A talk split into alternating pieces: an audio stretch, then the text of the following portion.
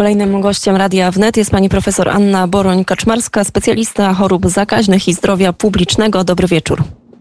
Dobry wieczór, dobry wieczór wszystkim Państwu i dobry wieczór Pani redaktor. Bardzo dziękujemy za czas e, dla Radia Wnet i od razu przechodzimy do, mm, e, do naszych spraw. 13 e, z 17 członków Rady Medycznej przy premierze złożyło dziś swoją rezygnację. Jak pani odebrała tę wiadomość i czy, czy, czy jest to dla pani zrozumiała decyzja? No jak odebrałam tą, tą wiadomość, to y, ponieważ jestem jedną z najstarszych osób w środowisku zakaźników, jeszcze pomimo emerytury czynną zawodowo, więc znam po prostu wielu członków Rady Medycznej przy premierze i tutaj jak sądzę ministrze zdrowia. I, I, wiem, że są to znakomicie wykształceni zakaźnicy, ale także dobrzy epidemiolodzy. I w związku z powyższym, że w naszych polskich tutaj e, działaniach zmierzających do ograniczenia pandemii SARS-CoV-2 obserwuje się taką niekonsekwencję, dużą niekonsekwencję, ale także mm, nie tylko niekonsekwencję w sensie braku e, bardzo realnego programu e, przeciwepidemicznego i jego starannych etapów, starannie przygotowanych etapów i kryteriów, w, jakim, w jakich sytuacjach są one wdrażane, ale także mamy po prostu zmienność e, tego, co się mówi i tego, co się realizuje, czyli można powiedzieć, że się robi krok do przodu i potem, no niestety, półtora kroku do tyłu. I y, stąd też, no nie mogę powiedzieć, że oczekiwałam takiego, y, takiej decyzji od moich młodszych kolegów, ale decyzja mnie generalnie nie dziwi, ponieważ jeszcze raz świetnie wykształceni specjaliści w dziedzinie chorób zakaźnych, wielu z nich ma także mm, specjalizację, a przynajmniej duże doświadczenie w epidemiologii i y, jeżeli ich własne słowa, które są przelewane na papier, które są uzgadniane w grupie, nie jest to stanowisko jednej, jedynej osoby, nie są zupełnie brane pod uwagę, więc trudno się dziwić, że taka decyzja zapadła. No szkoda, że tak się zadziało. No i zobaczymy, co teraz polski rząd będzie dalej robił, jakie podejmie decyzje. To prawda. Jednocześnie, jeżeli mogli... Mhm, proszę, proszę. Nie, nie. Natomiast, natomiast jeśli idzie o samą pandemię, no tutaj bez, bez właśnie takiego klarownego programu naprawdę wiele się nie zadziała, tym bardziej, że stoimy w obliczu wzrostu zakażeń związanych z szerzeniem się infekcji omikronem. To tyle chciałam tylko dodać. Mhm. I o, o, tym omikronie może jeszcze za kilka chwil e, porozmawiamy. Natomiast faktycznie w tym oświadczeniu no są to jedni z czołowych, najlepszych ekspertów, e, epidemiologów, lekarzy e, w kraju. To trzeba podkreślić. A jednocześnie żaden z nich na razie oficjalnie na temat tych powodów, konkretnych powodów tego odejścia się nie wypowiedział. Wiemy o tym, o tym rozbieżności stanowisk. Pani powiedziała o kroku w przód, kroku w tył. Ale jak moglibyśmy spróbować podać na konkretnych przykładach? Czy to kwestia szczepień i zmuszania do tych szczepień albo wprowadzania tego ustawowo, czy jeszcze jakichś innych rzeczy, żeby tak postarać się wyklarować te, te, te, to, to, co w tym oświadczeniu nie tak. zostało zawarte. Tak, no niektórzy, niektórzy członkowie tej Rady Medycznej się wypowiadali pojedynkę, że tak powiem, e, na łamach e, e, zwłaszcza radia, przynajmniej to, co słyszałam. I wiem, że do punktów zapalnych to należała kwestia szczepień, dalej kwestia wykorzystania certyfikatów szczepionkowych w różnych okolicznościach, zwłaszcza tych, które są związane z nagromadzeniem dużej liczby osób. Dalej w ogóle zgoda na organizację takich spotkań, gdzie bierze udział kilkanaście tysięcy ludzi, no widzę koncert sylwestrowy. Dalej y, takie wysłuchiwanie y, stanowiska antyszczepionkowców, to się powtarzało wielokrotnie w informacjach medialnych, stanowiska antyszczepionkowców przez Sejmową Komisję Zdrowia zamiast że tak powiem, wspierania i i umacniania stanowiska tych, którzy reprezentują pogląd, iż należy się szczepić w bardzo szerokim zakresie i to nie tylko dwa razy, ale i trzy razy. Kolejny punkt to, jest, to są te mechaniczne środki ochrony, o których się bardzo wiele mówiło, czyli e, noszenie maseczek. Przecież słyszeliśmy o tym, że jest obowiązkowe tu czy tam. No niestety dzisiaj można powiedzieć, że przynajmniej w dużych miastach rozsądek zwycięża i ludzie noszą maseczki prawidłowo założone.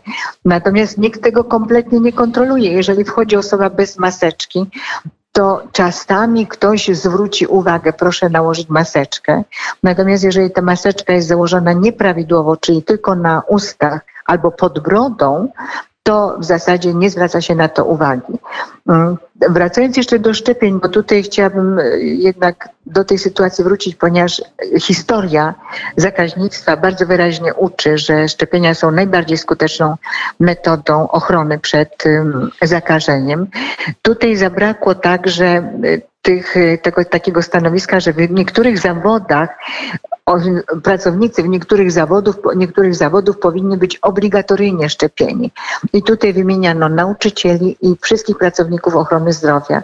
No, takim, takie stanowisko nie wzięło się po prostu z sufitu, bo trzeba było coś prawda, napisać, tylko wzięło się z faktu, iż o ile lekarze są wyszczepieni ponad 90%, przynajmniej takie są oficjalne dane, o tyle pielęgniarki niestety nie ten odsetek wyszczepień wśród pielęgniarek jest znacznie niższy i nie przekracza 80%, czy przekracza, no, jest w granicach 80%, no a z nauczycielami jeszcze bardziej różnie jest. Także y, zebrało się kilka punktów na tyle istotnych, które utrudniają wszystkie działania przeciwepidemiczne, że e, naprawdę trudno się dziwić takiej decyzji. Aczkolwiek jest to decyzja bardzo rzadka w środowisku polskim, zakaźnym, mm, mm, która, się, która była podejmowana w historii zakaźnictwa w ciągu ostatnich 40 lat.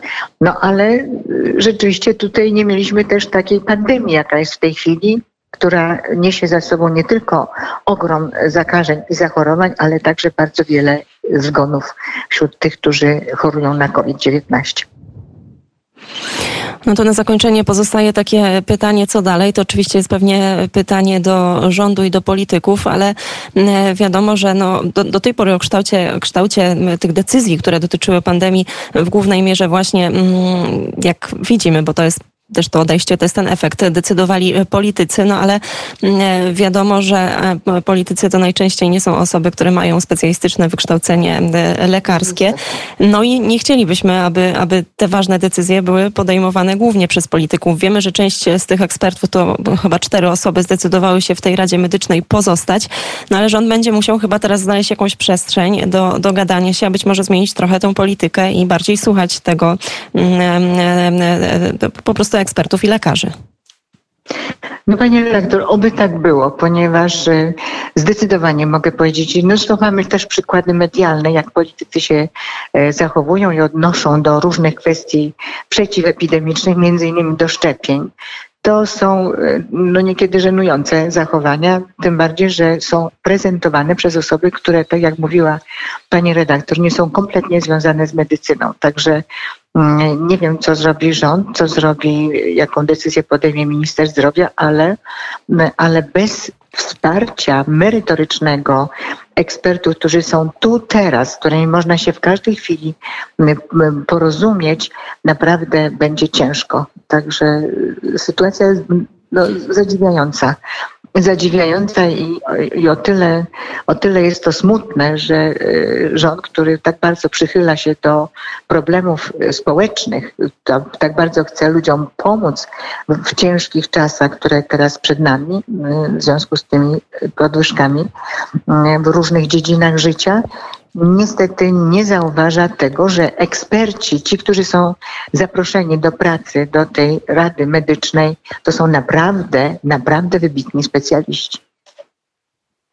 Z drugiej strony być może jest, e, jest tak, że i ci politycy, i ten rząd patrzy też na to, co się dzieje na świecie. Jak widzimy, ta polityka i to wszystko, co dzieje się wokół pandemii, zmienia się w tak dynamiczny sposób, że ciężko na tym nadążyć, za, za tym wszystkim nadążyć. Nie rozumiemy tego my, jako obywatele, bo co chwilę ta narracja jest zmieniana, czy to ta dotycząca szczepień, czy dotycząca tych testów. Kiedyś z panią profesor miałyśmy okazję na antenie Radia Wnet właśnie rozmawiać na temat tych testów PCR i tych testów, które czasem były fałszywie dodatnie. Teraz mamy chociażby przykład Hiszpanii, która która ogłosiła, że zmienia te podejście do epidemii COVID-19 i także będzie teraz traktować COVID-19 jak grypę i jak inne choroby układu oddechowego i to także całkowicie zmieni sytuację epidemiczną właśnie w Hiszpanii. Może po prostu ci nasi politycy najzwyczajniej w świecie też są w tym zagubieni i uważają, że robią dobrze.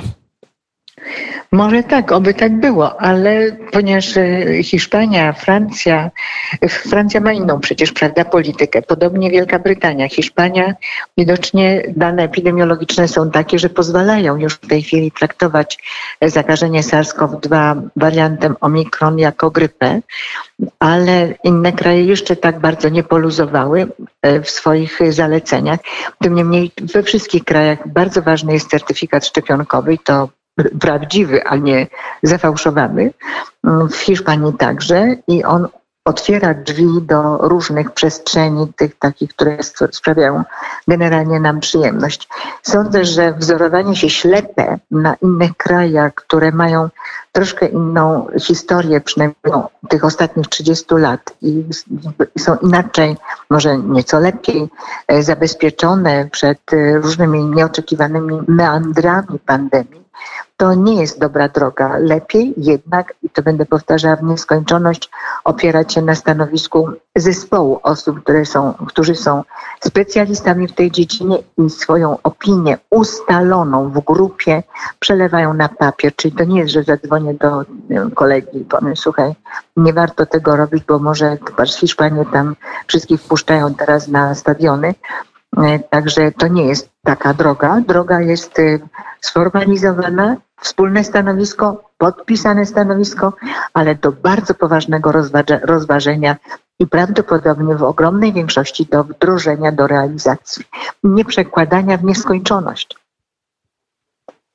decyzji. I tutaj na razie posta- tak, tak. Mhm, tutaj na razie postawmy trzy kropki. Bardzo dziękujemy Pani za ten komentarz. Profesor Anna Boronik-Kaczmarska, specjalista chorób zakaźnych, specjalista zdrowia publicznego, była gościem Radia Wnet. Bardzo dziękuję.